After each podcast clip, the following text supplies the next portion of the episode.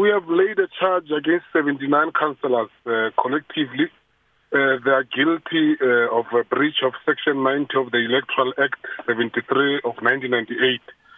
Uh, we, we, we think that uh, they are complicit to a commission of crime against the Electoral Act because uh, the Electoral Act is clear that uh, no voter must uh, uh, show identity of uh, who voted who. So they did that uh, deliberately by undermining uh, either the the IEC and the, the, the candidate of Action SA because uh, they've told their members that you are going to vote through numbers so that we can identify and make sure that we send a message to Action SA that our bloc is not uh, uh, corrupt as they alleged. Our bloc vote always uh, within the party line. So it was nothing uh, uh, uh, about uh, anything but uh, about showing their partners that their bloc uh, can indeed vote uh, correctly uh, as the, the mandate of the party line. So he con- she confirmed, the lady from the DA confirmed that the bloc of the DA is not corrupt. The bloc of DA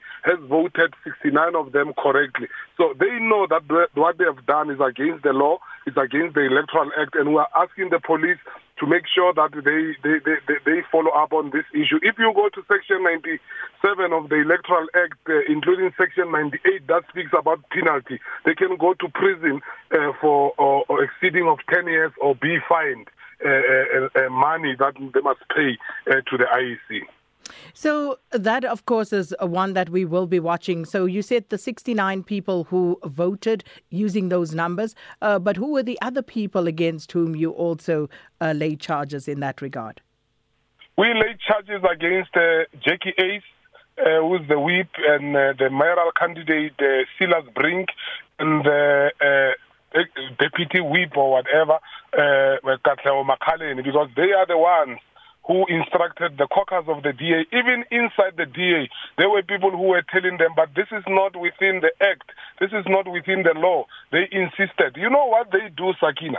They give their members pens so that you go with a red pen, yellow pen, pinky pen, and you go there and vote with that pen. Their party agent who counts vote then counts those colors and confirm to them that the voters of a certain party, we saw the color, they voted correctly. What is the use of secret ballot if people are going to, to do what they are doing and because they are a DA, no one must say anything. This is an infringement uh, uh, of, uh, of a secret.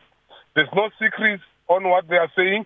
Secret ballot, when you are in the voting booth, you must be alone. No one must interfere with your vote. No one must interfere with who you are voting for. What DA is doing now, they want a secret ballot and they are saying they are defenders of the Constitution. On the same time, they pee on top of that Constitution that they always preach about. Mr. Ramabodi, we are out of time, but just very briefly, there's an allegation about a 2 million rand bribe that was made towards a member of uh, the Action SA party. Are you aware of that? And um, is that perhaps something that any of your members may be guilty of? They've opened a case. There's no name of the EFF, so we can't comment because we are not part of the case that they've opened. We'll Our name there. is not there. Um, we, we we think we, we must not comment because we are not uh, uh, we are not accused of anything like that, and uh, we hope that they have evidence. Those who have been uh, accused, they must go and clear their uh, their names in court, and those who have accused uh, those councillors, they must uh, bring evidence and prove that uh, indeed there were councillors who were bribing. And if it's like that, this is something that the EFF won't accept because this must be a democratic process. Hence, we are defending the secrecy of a, a voter so that a voter must vote with his conscience. No bribe and no party must influence uh, any decision of a voter or a councillor.